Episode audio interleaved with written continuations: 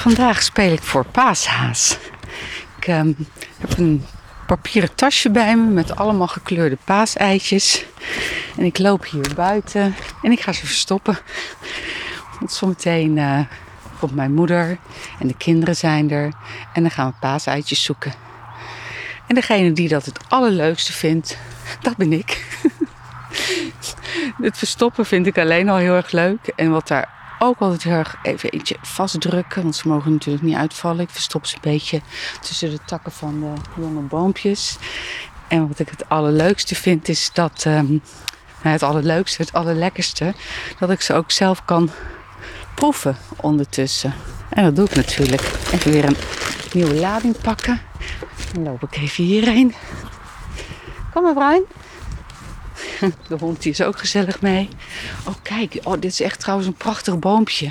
Wauw, die staat mooi in bloei. Het is een uh, boompje met wat rodige takken. En uh, oh, er komen wat fietsers voorbij. en prachtige knalroze bloempjes. Super mooi. Nou, hier kan ook een eitje bovenop een paaltje.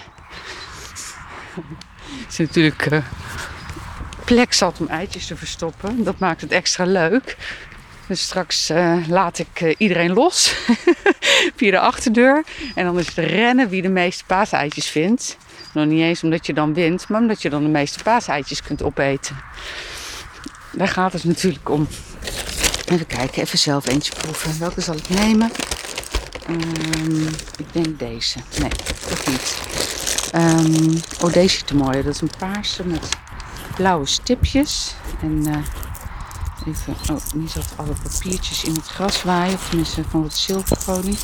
Hmm, die ziet er lekker uit. Even een haffel. Hmm, wauw. Oh. Deze is wel echt super lekker. Oh, niet te veel van snoepen. Want dan is er straks niks meer over. Nou. Zo, niet met volle mond praten. Um, ik ga nog even verder met uh, paaseitjes verstoppen. Ik hoop dat jullie ook paaseitjes hebben gezocht.